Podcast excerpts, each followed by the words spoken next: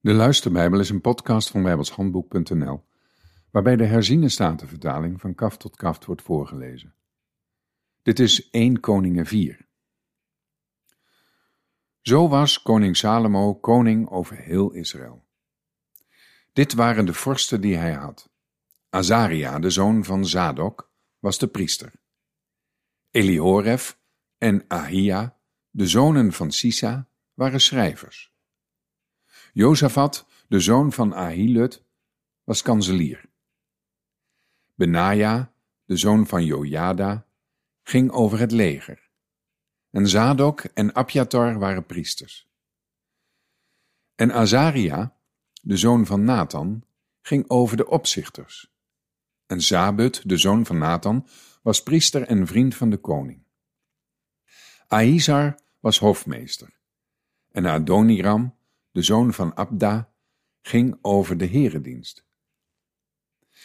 Ook had Salomo twaalf opzichters over heel Israël, die zorg droegen voor het levensonderhoud van de koning en zijn huis. Ieder moest er één maand per jaar zorg voor dragen. En dit zijn hun namen. De zoon van Hur, in het bergland van Ephraim.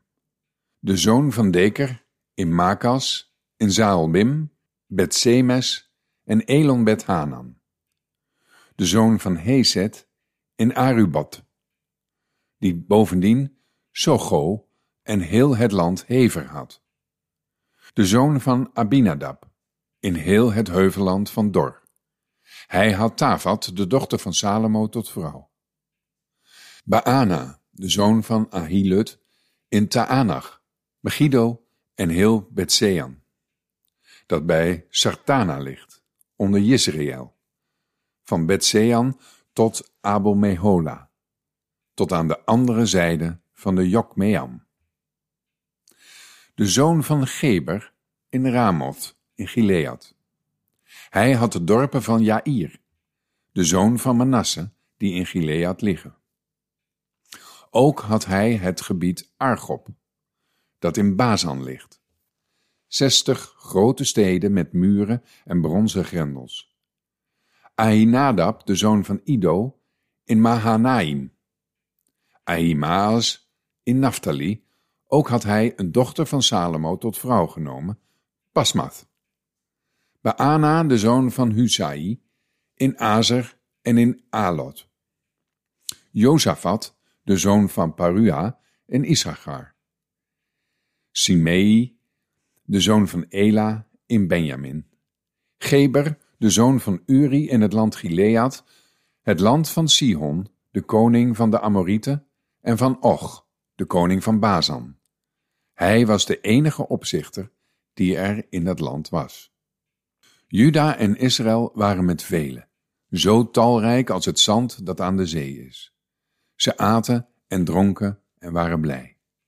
Salomo heerste over alle koninkrijken van de rivier de Eufraat tot het land van de Filistijnen en tot aan de grens van Egypte.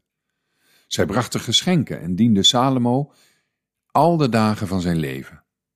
Het voedsel van Salomo voor één dag was dertig koormeelbloem en zestig koormeel, tien vetgemeste runderen, twintig runderen en honderd schapen naast de herten, gazellen, reebokken en gemeste vogels.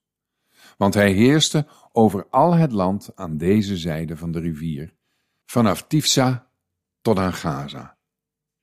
Over alle koningen aan deze zijde van de rivier. En hij had vrede aan al zijn zijden van rondom. En Juda en Israël woonden onbezorgd, ieder onder zijn wijnstok en onder zijn vijgenboom, van Dan tot Berseba al de dagen van Salomo. Salomo had ook veertigduizend paardenstallen voor zijn wagens en twaalfduizend ruiters.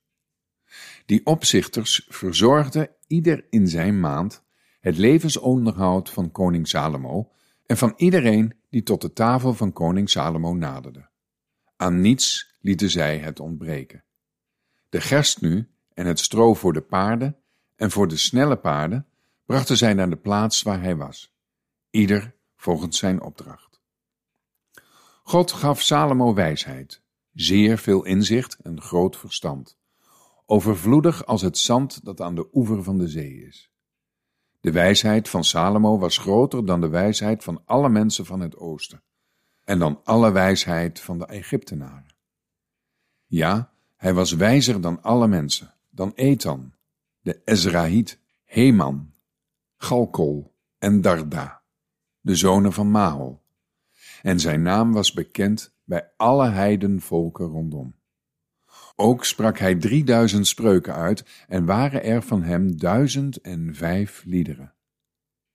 Hij sprak ook over de bomen van de ceder, die op de Libanon groeit, tot de hyssop, die uit de muur komt.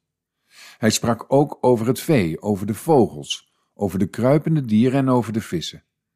En uit alle volken kwamen er om naar de wijsheid van Salomo te luisteren, van alle koningen van de aarde die van zijn wijsheid gehoord hadden. Tot zover.